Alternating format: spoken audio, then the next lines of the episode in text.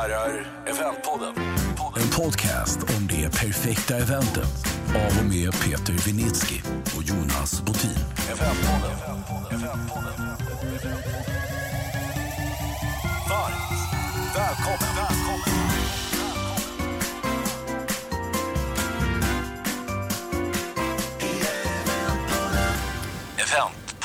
Nytt år 2019 Peter, Äntligen. som startat i ganska hög fart kan vi väl säga. Det är fullt, fullt ös från början, ja.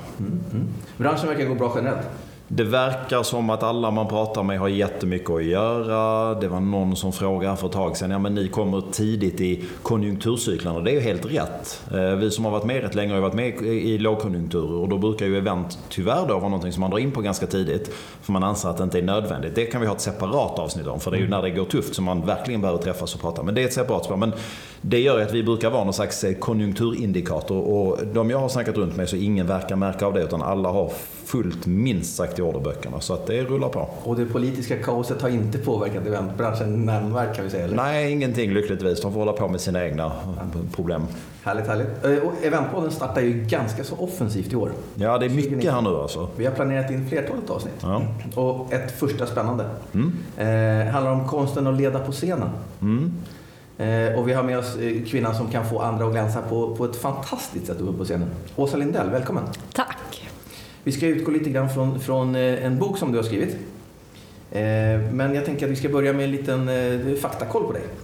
Så då börjar vi med ålder helt enkelt. 56 år. 56 år. Och bor var någonstans? Jag bor i Björboholm heter det. Det är ute i skogen en bit från Göteborg, mellan Göteborg och Alingsås. Okej. Eh, Familj?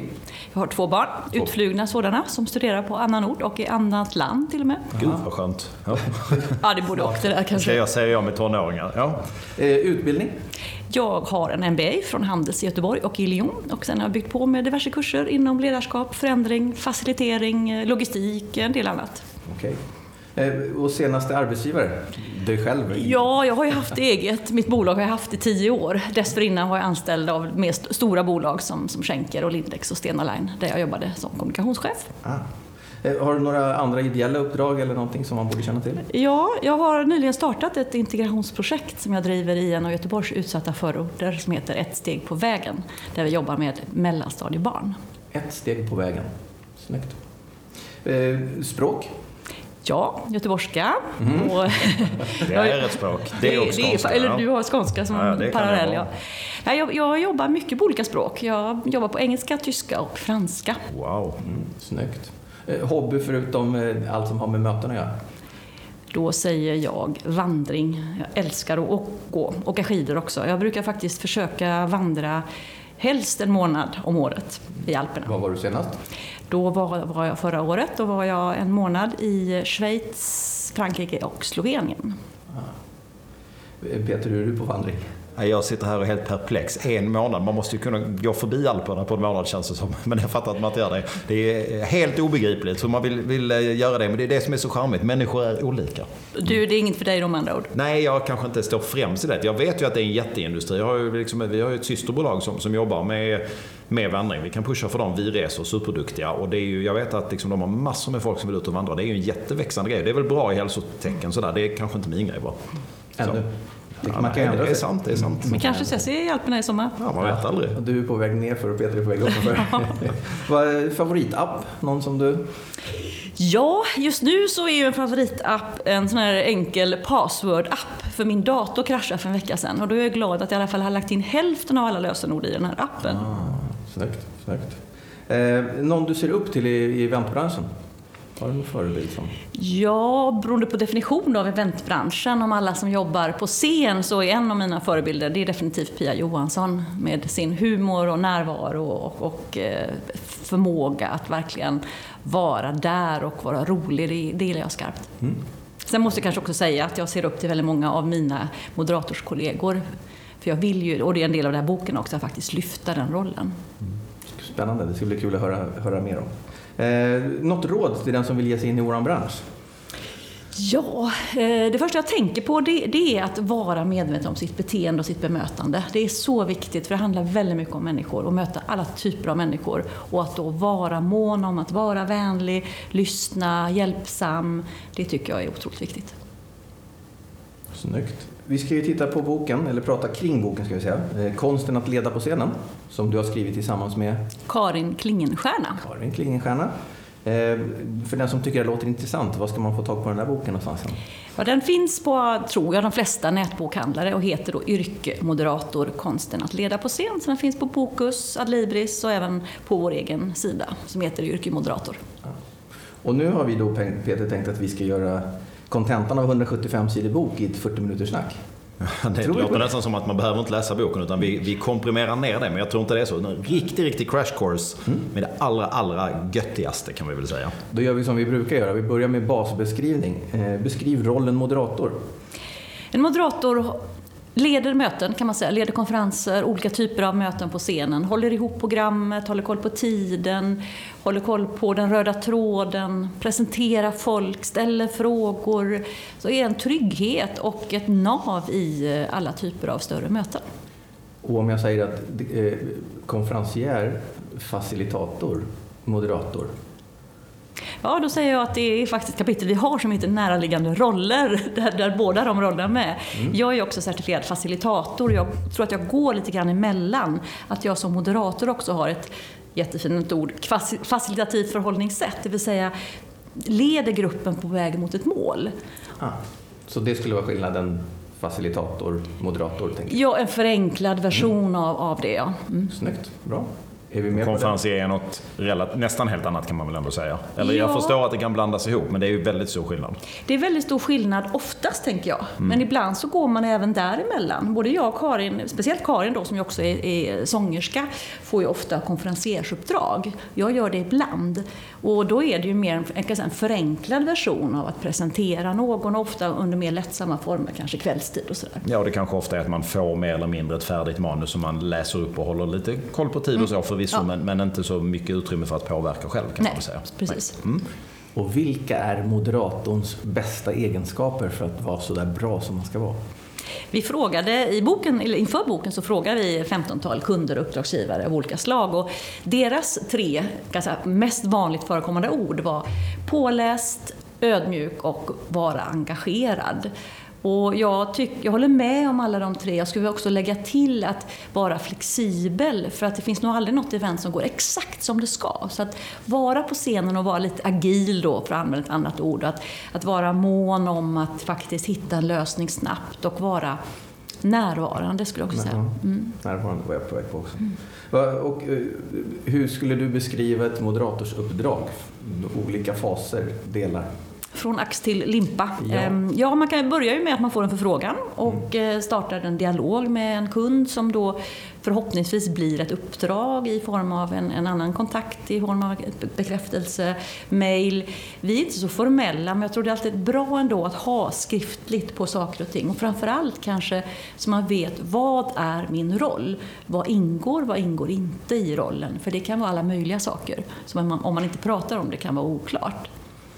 Och där någonstans så, så gäller det ju att då få till sig information om vad är, vad är, vad är, hur ser programmet ut, vad är det för talare, vad är det för personer jag ska kontakta, vad är det för ställe vi ska vara på, alla, den typen av praktisk information. Och sen påbörjar man ju inläsningen. Ta kontakt med talare, ta kontakt med de som ska delta på scenen, ha dialog med uppdragsgivaren. För det är viktigt att komma ihåg att vi är ju där för att förverkliga intentionerna hos en uppdragsgivare. Och vi måste vara väldigt noga med det. Och då ställer vi också mycket frågor redan innan vi ställer oss på scen. Hur klara brukar de vara med sin intention när, när ni börjar? Ärligt svar är att det är väldigt olika. Och jag tänker att som erfaren moderator så kan vi hjälpa till att faktiskt göra det tydligare. Att det faktiskt blir ett syfte som har formulerat och kommunicerat och känt av alla. För det påverkar väldigt mycket. Ska vi fortsätta Ja, in i uppdraget? Ja, någonstans där har man ju då kanske ett genrep om det är ett större event och, och den här talarkontakten innan som, som både jag och Karin tycker är väldigt viktiga. Vi försöker alltid prata med alla föreläsare innan, ibland i mejl. För att det, det är som att man bygger någon form av mikrorelation där innan som påverkar hur mötet på scen sen ser ut. Sen är det ju snart dags då för att, att börja och då är det den där första kanske en eller två timmarna på plats som är väldigt viktiga.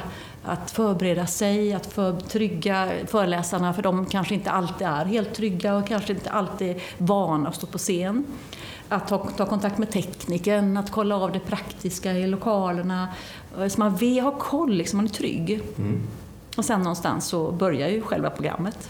Det känns ju som tryggheten, att man söker någon att få hålla i handen genom den här resan. Det är ganska vanligt ja, Ja, ofta så är vi, tror jag, vi moderatorer tillsammans med till exempel om det är en eventbyrå inblandad eller någon annan, en, en, men även sig uppdragsgivaren, att, att det samspelet där är oerhört viktigt för den här tryggheten. Mm. Mm.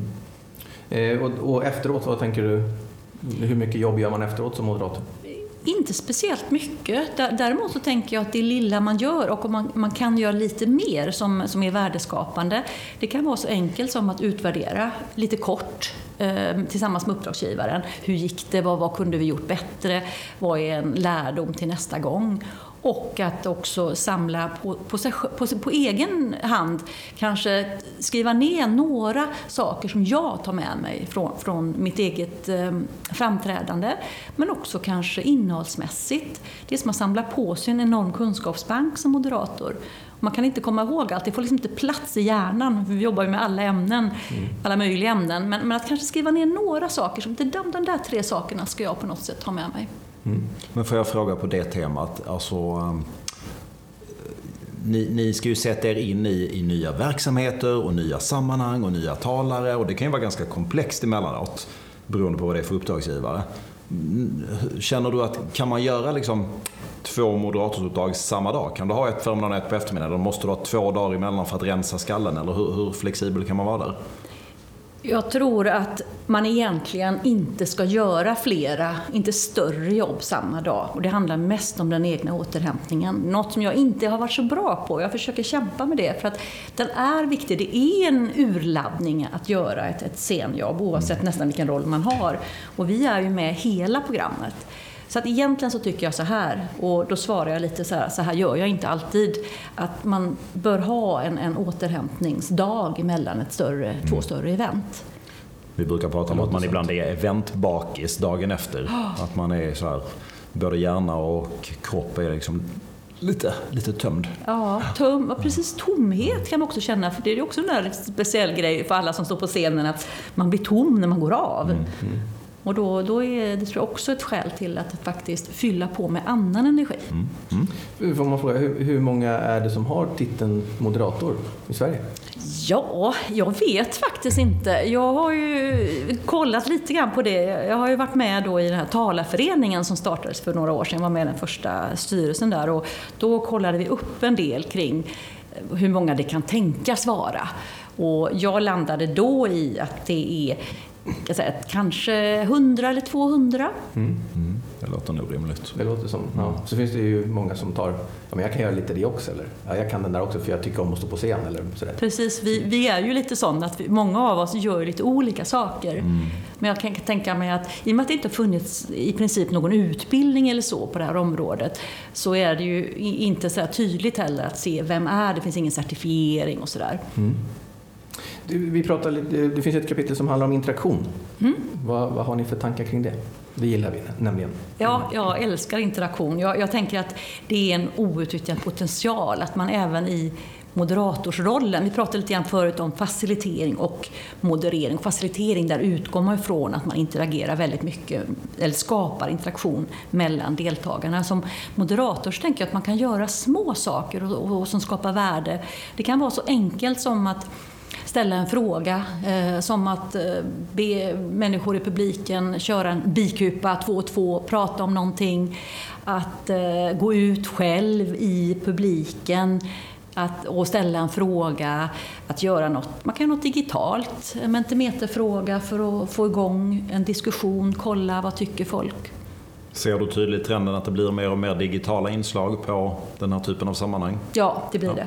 Och jag, jag, tycker det är jättebra. Jag tycker som bas att man ska variera sig och att man kan göra både och. Mm. Man kan ha till exempel en Mentimeter eller något, något annat system.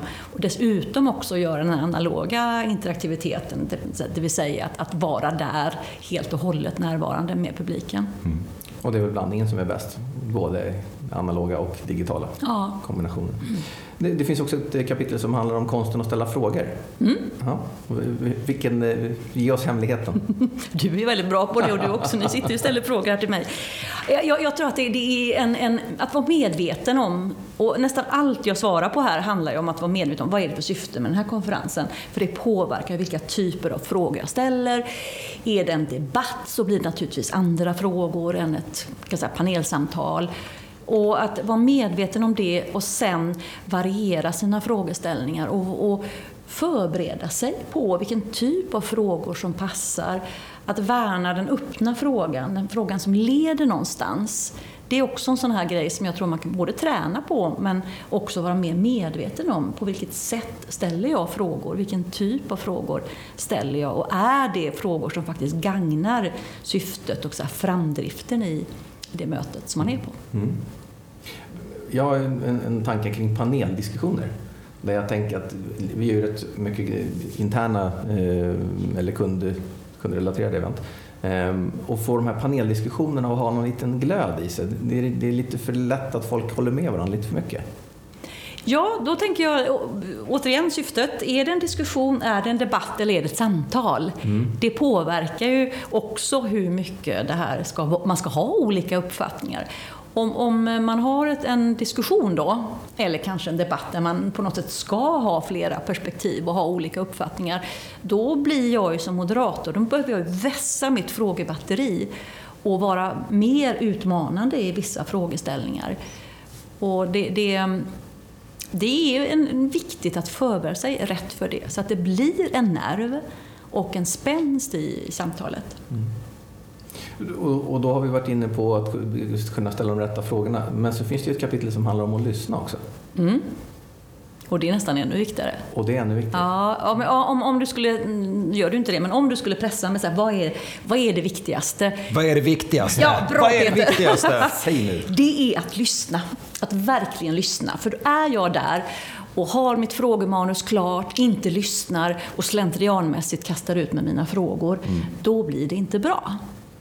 Utan är jag där och lyssnar och lyssnar färdigt och lyssnar lite grann mellan raderna. Vad är det egentligen som är liksom, vad, vad bränner det till? Var finns energin hos den här personen jag samtalar med?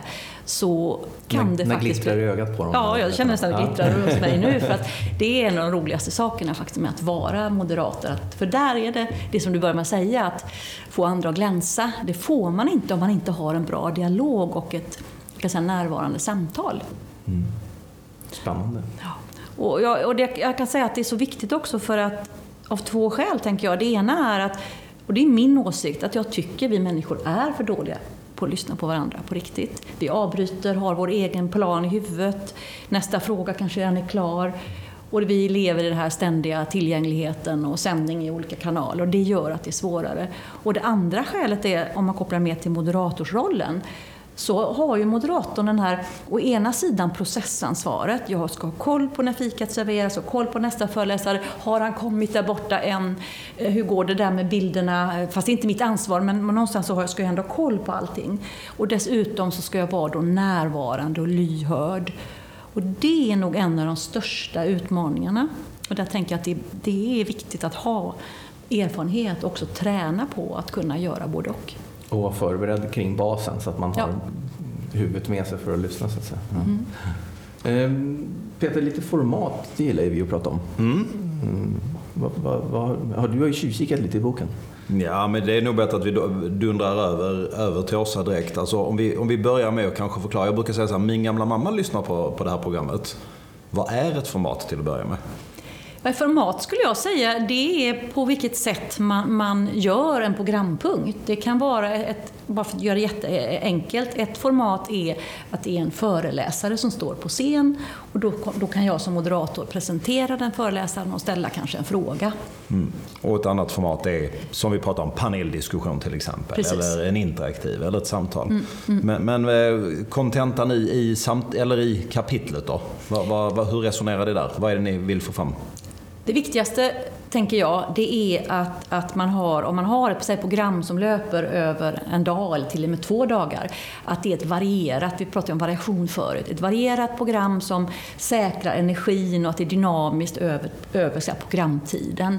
Och då är det ju viktigt att tänka till på att man inte till exempel har 20 föreläsare rakt upp och ner hela dagen utan tänker till på hur man kan göra det lite mer Eh, energi, energifyllt eller bibehålla energin och skapa dynamik. För folk orkar inte lyssna på hur många samma saker som helst. Jag har en hustru som är, eh, hon, hon forskar inom eh, odontologi och är iväg på och föreläser på massa sådana här eh, tandläkarkongresser och sådär. Och jag brukar ju roa mig med att kika på deras eh, ja, program. Och där är ju formatet just det. Det kan ju vara så här tre dagar talar upp, talar ner, talar upp, talar ner. Och jag säger att jag begriper inte hur ni orkar. Det, då gäller det att vara otroligt passionerat intresserad för mm. varje ämne helt mm. enkelt. Sen ska det väl sägas att ofta är det ju så att du kan gå mellan olika spår och välja det du absolut vill lyssna på. Men gud vad det måste vara dränerande. Jag tror inte jag har varit med på ett sånt event på många år. Liksom. Och nästan bara monolog.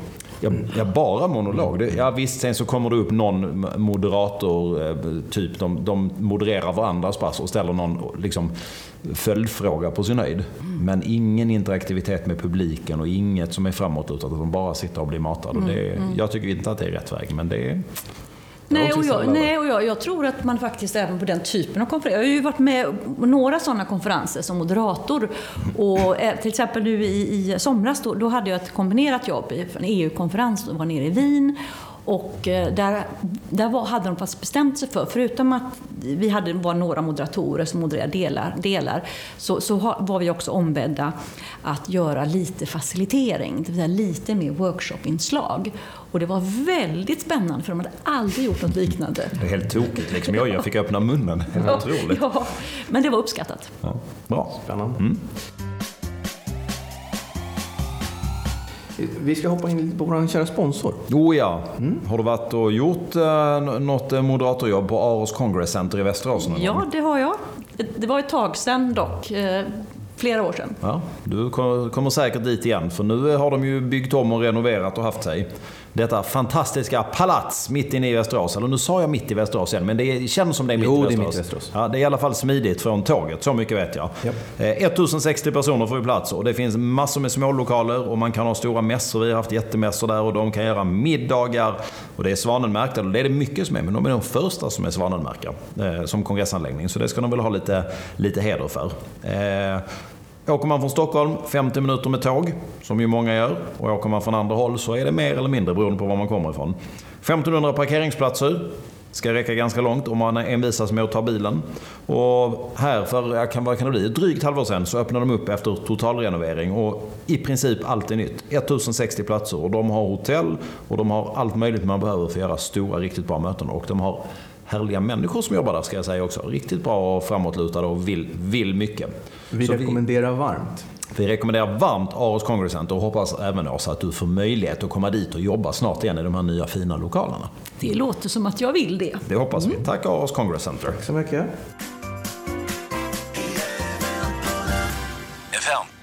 Eh, tillbaks till boken. Mm. Vi säger igen då, då eh, att leda på scenen. Och vi pratar om tempen i rummet. Att ta tempen i rummet. Mm. Hur är tempen här hos oss i rummet? Den är bra. Den känns som att eh, vi är närvarande. Vi mm. är intresserade av det vi pratar om. Ämnet är relevant. Och vi har en, det är synd, det hörs ju inte i och med att det är en podd, men vi har en bra kontakt tror jag. Mm. Så tänker jag. Och det är så ni tänker när ni beskriver i boken också? Vad ska vi använda det till? Ja, en, en sån grundläggande temp kan ju vara bara att stäm, stämma av stämningen i rummet. Hur är läget? Eh, en annan kan vara vem är här? Mm. Att det kan vara bra att veta lite mer om tillhörighet. Då kan man ju till exempel om man nu har Mentimeter eller något annat, att ta fråga, vilken tillhörighet, hur många är det som kommer från den delen av branschen och den delen? En tredje kan vara att, att eh, känna av, vad tycker ni i en viss fråga? Och där kan man göra en bra, på tal om interaktivitet, att, att stämma av den frågan. Vad tycker ni i den här frågan? Och så har man kanske en panel på scenen och så kan panelen eh, kom, kommentera vad, vad, publiken har sagt. Men också att det kan bli ett inspel då till, åt andra hållet. Mm. Att, att man kan skicka ut en fråga utifrån från panelen. Vad gör du när du kliver in i ett rum och du känner att den här tempen signalerar att här sitter alla med armarna i kors, neddragna mungipor och man känner att här är ju inte någon bra stämning på det här företaget eller det här rummet. Här är, liksom är det oj, oj, oj, oj. Hur, hur ändrar man någonting i sin plan då? Liksom? Ja, jag, jag tänker att ju mer erfaren jag blir så ändrar jag mer. Jag är fortfarande väldigt noga med förberedelserna, att det finns en plan, en ganska detalj. Jag är ganska detaljerad i min, mitt körschema och sådär. Samtidigt så blir det också så att när jag känner av att nu behövs det någonting för att skapa energin, då är jag nog snabb att göra någonting också. Och det blir ganska, med ganska små medel. Det är ju inte så kanske man ändrar något helt och hållet, det har man ju inte mandat att göra heller. Men det kan vara just den där lilla interaktionen. Det kan vara att faktiskt spela en låt, om, om det nu går. Det kan vara att be eh, publiken prata med grannen om en fråga som jag på något sätt vet är en intressant fråga. Mm. Mm. Jag kan ge dig det, det märkligaste scenariot som jag har varit med om när en moderator var involverad var ett företag som vi hjälpte att göra en, en kick-off och då kommer VDn upp i en eh, rullstol på scenen och säger ja, eh, ni, eh, de flesta av er vet ju att jag har en, en, eh, en sjukdom och att jag kommer inte finnas med oss eh, nästa år. Men han gjorde det liksom med ordentlig svung och liksom, det ska ändå vara en positiv not. Och han brann, jag tror att det var så att han hade startat det här företaget liksom, och det var hans baby. Och han bara, nu så ska vi köra full fart framåt ändå trots att det är så här. Då hade vi en moderator som ju, man ble, han blev ju rätt ställd i det. Nu, nu, visste han om det, men just kan du tänka dig det scenariot?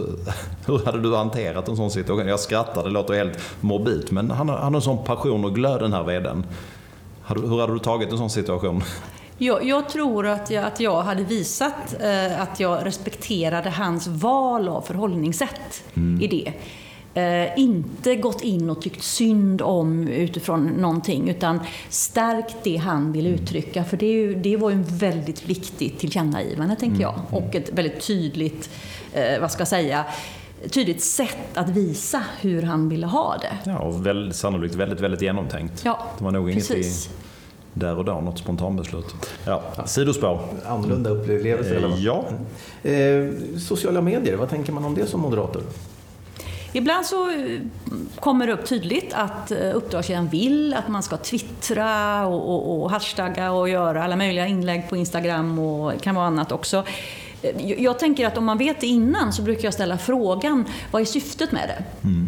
Och det handlar om att man inte vill, eller jag inte tycker att vi ska släppa för mycket fokus på det som händer i rummet. Med det sagt så innebär det inte att man inte ska eh, twittra och skicka ut någonting. Och man kan också använda sig av olika flöden för att visa, kanske vid lunchen, kolla här vad ni har, vad ni har pratat om och vi gör här idag. Och så där. Så att, eh, viktigt är återigen syftet, vad ska vi ha det till? Och att använda det på ett klokt sätt.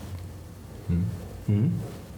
Och idag är det ju, vissa vill absolut och vissa vill aldrig. Eh, det känns som att det liksom det, det fanns ju någon sån här hashtag eh, eh influensa för några år sedan. Att alla skulle ha en hashtag på sitt event och så skulle man få spridning. Men som du var inne på, många var ju inte riktigt på det klara med varför spridning för spridandets skull det fyller ingen större funktion. Nej. Och idag tycker jag att det har backat. Det är inte sådär mm. självklart att vi vill att folk ska ut i sociala medier.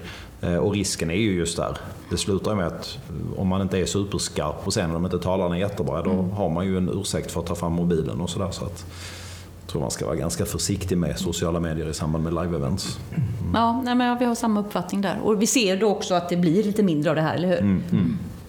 Vi pratar ju oftast om, om första intryck. Eh, vad tänker du som moderator? Hur, hur lägger du upp planen för att, eh, för att eh, få till det där första intrycket på ett bra sätt? Det är viktigt, ska jag säga först då, mm. och det är därför du ställer frågan också. Mm. Jag har jobbat med möteskultur i ganska många år och det är en parallell där att, att det första, den första stunden på ett, oavsett vilken typ av möte det är, oavsett om jag är moderator eller något annat, så är det det här första att å ena sidan struktur, tänker jag. Att vara tydlig. Trygghet pratar vi om. Att tydlig agenda, tydliga, finns det några spelregler, vi tar frågorna sen. Eller vad det nu kan vara för någonting. Praktiskt kring tider och så. Den är väldigt viktig. Och den andra, som är då mer kan säga, relaterande eller kultur, handlar om att skapa en god stämning från början att alla ska känna sig välkomna. Och det har jag ju som ett eh, viktigt uppdrag där i början, att skapa den goda, välkomnande känslan. Ibland tillsammans med uppdragsgivaren, ibland själv. Och där någonstans så brukar jag börja lite, lite personligt. Och, och det handlar inte om att jag som moderator ska ta så mycket plats, men det handlar om att bygga förtroende direkt. På något sätt visa lite mer om vem jag är. För då tror jag också att, att jag bygger ett förtroende, eller skapar tillit som man brukar prata om också i, i det sam, sammanhanget. Och det kan vara en kort, kort anekdot om någonting som visar lite vem jag är och som är kopplat till, till temat. Mm. Mm. Eh, eh, Folk brukar ju säga att det värsta som finns är att stå på en scen. Hellre, Håller du med? Hellre dö, ja, men hellre dö, det här klassiska. Ja, ja. Eh, eh, blir moderatorer aldrig nervösa? Eh, är det inte läskigt att stå där uppe? Hur hanterar man det? Ja, för det första är det väl så att vi vill, vi som jobbar med det här, oftast inte bli så nervösa. Men det, med det sagt så kan man ändå ha dagar och tillfällen där man är lite mer, eller jag är lite mer nervös än andra. Oftast är det mer en känsla av att man är taggad, lite adrenalin och lite så här go i kroppen. Om man tacklar det, ja, jag, jag tänker igen tillbaka till förberedelsearbetet. Så enkelt och tråkigt kanske om det låter, men ju mer förberedd jag är, ju mer känner man att man har koll. Och det andra är ju också att, att faktiskt förbereda sig mentalt.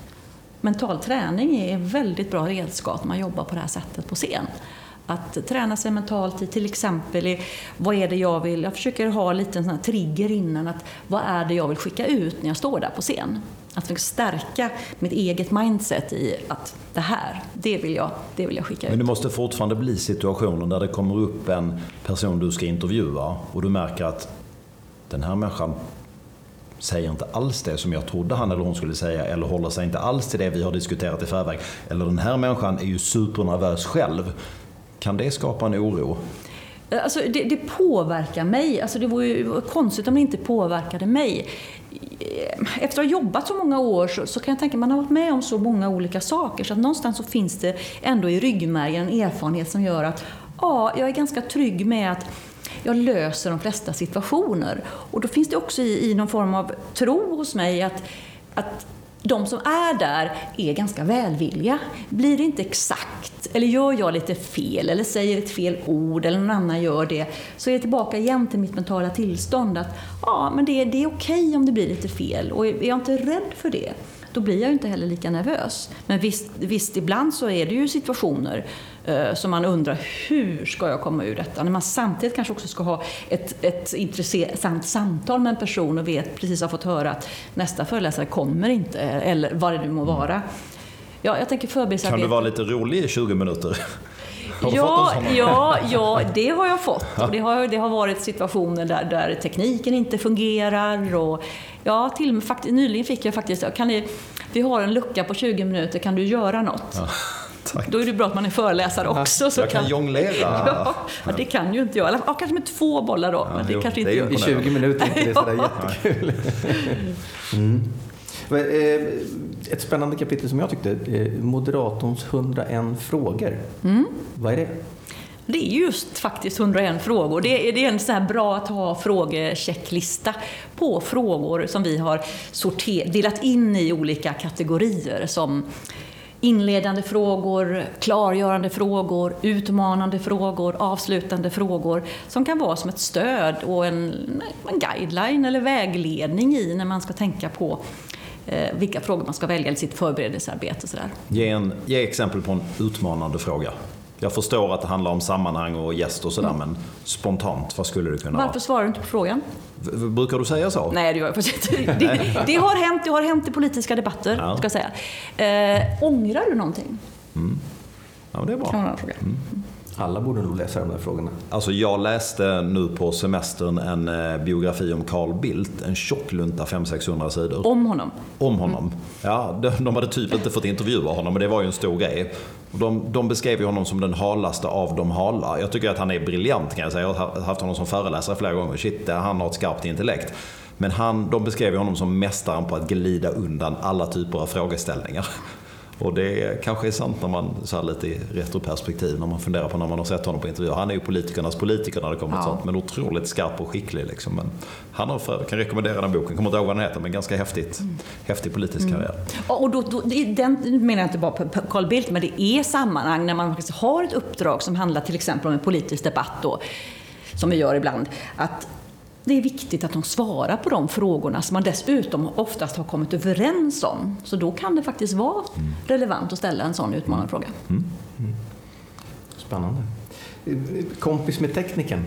Ja, det har vi också ett litet avsnitt om, om de tekniska frågorna och det, det är viktigt. Jag, jag tänker att, att eh, teknikern och moderatorn, de, är, de ska vara kompisar för att vi, vi samspelar tillsammans med ytterligare några, några ska säga, aktörer och funktioner. Men vi har ofta ett, ett, en gränsyta och pratar man inte om den och liksom inte pratar ihop sig innan om vad till exempel teknikerns har, för- om man sköter både ljud och ljus och bild. Det är inte alltid alla vet och alla har pratat om vad, vad tekniskt uppdrag är. Eh, vem mickar på? Hur ser körschemat ut? Jag brukar alltid ta med mig ett extra körschema till teknikern och ofta går jag igenom en micklista med tekniker. Det är kanske inte ens är mitt uppdrag, men, men det brukar bli bra när vi pratar ihop oss. Det kan hända någonting, då vet teknikern ja, men det är ju paus här efter nästa föreläsare och, och, och där är det si och så och sådär. Så att det, det här oväntade som alltid händer, det blir smidigare och lättare att lösa det när, när vi är lite kompisar. Ja, folk brukar säga att man, mat och dryck är det viktigaste. Utan det kan man inte ha något event. Jag brukar säga att börja med att tekniken funkar, sen kan vi kolla på resten. Tekniken är ju sjukt viktig alltså. Ja, det, så är Och det sam- absolut. Samspelet också naturligtvis. Jag hade, alltså den här Göran Persson-storyn, har vi pratat om den i podden? Nej. Nej, men det, det är inte något jag har upplevt själv. Jag, jag hörde den för inte så länge sedan. Hur han alltid gick till, han hade gett ett råd till någon, jag vet inte om jag var, jag hörde det där. Han hade gett ett råd till någon eh, som skulle upp och, och föreläsa. Gå bort till teknikern och så säger du att jag vill att du, när jag ska gå på, så skruvar du upp. Och du skruvar inte bara upp, utan du skruvar upp mer än vad du tycker är hållbart. Jaha, sa teknikern. Varför det? Jag bara vill att du gör det. Lova mig att du skruvar upp mer än vad du tycker är hållbart. Och det gjorde han tydligen alltid. För då, då fick han en pondus när han kom in. Då hade liksom, rent volymmässigt, när han gick in och pratade, då blev det tyst i rummet. För då började han prata! Och det, det är så här, jag tycker det är så fascinerande. Han är ju, han är ju också så här briljant talare, Göran Persson. Han har ju en sån sjuk pondus. Så jag funderar så här i efterhand, är det för att allt var så högt när jag har sett honom? Eller är det för att han var en fantastisk talare? Det kanske var en kombo, jag vet inte. Man fastnar från början. Ja, vet jag vad jag ska säga till nästa tekniker? Ja. Skruva upp när moderatorn kommer in på scenen. Ja, men precis. precis. Och så har vi tänkt avsluta med att be dig tipsa den som ska anlita en moderator. Har du tre bra tips man ska ta med sig? För det första, att välj din moderator med omsorg. Ta gärna någon med lång erfarenhet, med vilka personliga egenskaper du kanske tycker är viktiga för ditt event. Har du möjlighet, eh, fråga om referens eller titta på någon moderator innan det är ett stort event. Det är viktigt, det är en väldigt viktig roll. Och för det andra så tänker jag att använd moderatorn även i planeringen. Vi har ju jättemycket erfarenhet av hur man kan skapa den här dynamiken i programmet eller hur man kan göra ett, ett riktigt, riktigt bra event. Hur mycket tid man behöver för att ställa frågor och så vidare. Så att använd moderatorn tidigt i och, och genom processen. Att se det som en bra, ett partnerskap helt enkelt. Och för det tredje så, så tänker jag på det här vi pratade om förut också med syfte, var tydlig med vad förväntar du dig av moderatorn och att det blir en dialog även kring det, kring olika roller och vilket mandat moderatorn har och vad ditt syfte är med, med den här konferensdagen, om det nu är en sån. Tre bra, goda råd. Eh, Vi brukar, du var inne lite på det när det går fel. Vi brukar alltid ha en liten blooper på slutet sådär, vad, när någonting gick tokigt. Eh, vad Har du, har du någon bra som du kan Det ge har oss? aldrig hänt. Händer ibland. Ja, jag, jag, jag tänkte på... ehm, Jag tänker på det så här. Ehm, Jag ska då leda ett panelsamtal. Stor konferenslokal, flera hundra personer. Jag är väl förberedd. Har ett körschema med har frågeställningar. De som ska vara med i panelen har fått dem. Uppdragsgivarna är nöjd med röda, den röda tråden och så vidare. Och så ska jag presentera och be en person, upp- en i taget, komma upp på scen. Ibland man gör olika. Men då, här skulle jag bara, här kommer Sune Larsson och han är bla bla bla. Och här kommer Lena Karlsson och så vidare. Och sen när de rullar upp där på scenen och jag har presenterat alla så ser jag att det står en person till påmickad nedanför scenen och är liksom på väg upp. Jag har ingen aning vem det är. Jag vet ingenting för att de som ska vara där, de är på scenen. Och där någonstans, så på tal om ner- nervositet, då blev det lite så här, oh, vad gör jag nu? Jag möter blicken eh, hos uppdragsgivaren, en av dem som sitter här framme och då ser jag bara shit, vi har inte berättat för moderatorn att vi har kastat in en paneldeltagare till. Mm. Jag hinner liksom, man läser av blicken. Och då behöver jag ju säga någonting utan att dra ner byxorna på någon, för det vill man ju aldrig göra normalt sett. Så att då, då, då säger jag väl någonting som att, åh, den sista, sist men inte minst, här kommer, nå-" och så säger jag någonting som att en brygga till att personen får presentera sig själv. Och få första inlägget. Mm, någonting sånt där snurrar jag till det med. Aha. Snyggt. Jag, jag kan, får jag kasta in, jag kom på ett, ett annat scenario som, som, som borde vara fruktansvärt i din värld. Jag kommer ihåg att jag gjorde ett jobb med Gry Forssell som skulle vara ja, konferencier kan vi väl säga. Då. Men det var ett stort arrangemang, säkert tusen pers. Vi var i Globen och vi var och repade dagen innan och det var en sån här tvådagarsgrej. Så massor med liksom, material hon skulle köra och då hade hon skrivit snygga cue-cards, sådana små talarkort med allting. Och så sitter vi i logen backstage kvällen innan och sen men om jag lämnar cue-cardsen här så försvinner inte de, eller hur? Nej, vi lägger den och så la hon till mig en lapp, vänligen rör ej bla bla bla bla och sen åker hon hem, kommer nästa morgon, Q-cardsen är borta. Då är det någon städare som har varit väldigt ambitiös, som inte har läst på lappen och som har tagit bort hennes Q-card. Så alltså en timme innan hon ska på scenen inför tusen man så är alla hennes Q-cards borta med. Alla tider, alla namn, allting. Som tur är så var hennes eh, man eller kille hemma och hon hade texterna i sin dator. Så han tokprintar, kommer åkandes och ingen märker någonting. Nej, nej. Snyggt. Snyggt. Då var det svettigt. Mm. Ja, det är ju, det, och det är ju precis ju, inte det här är ju kanske extremfall de här två, men det är ändå små saker, oväntade saker händer ju hela tiden. Och då att förhålla sig till det och hitta bästa möjliga lösning. Och utan att publiken märker det oftast. Men ibland kan det också vara så att publiken får märka det och att det är okej. Absolut. Och oftast så går, de, går det ju rätt bra till slut ändå. Vi har fått ganska få bloopers genom åren som det är faktiskt nu, där det faktiskt har gått åt helsike på riktigt. Utan det har löst sig, men med lite svaj. Eller så är det ingen som vill dela dem. När det Nej, jag tänkte säga det. Jag tror inte kanske att det är det första man tänker på. Nej, nej. Ja, vi får ta dem i nästa sen. Ja.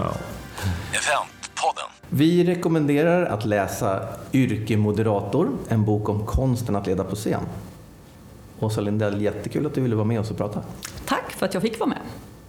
Vi tackar alla som har lyssnat såklart. Eh, Vi ser fram att få tips med vem vi ska prata med nästa gång. Och vi kan följas på Facebook och på LinkedIn. Mm. Nästa gång ska vi prata content. En liten uh, cliffhanger där. Ja, och vi ska vara fler än vi brukar vara så vi ska se hur den dialogen går till. Men det blir spännande. Det blir spännande. Får se om kan någon kan moderera det samtalet kanske. Jag ska försöka.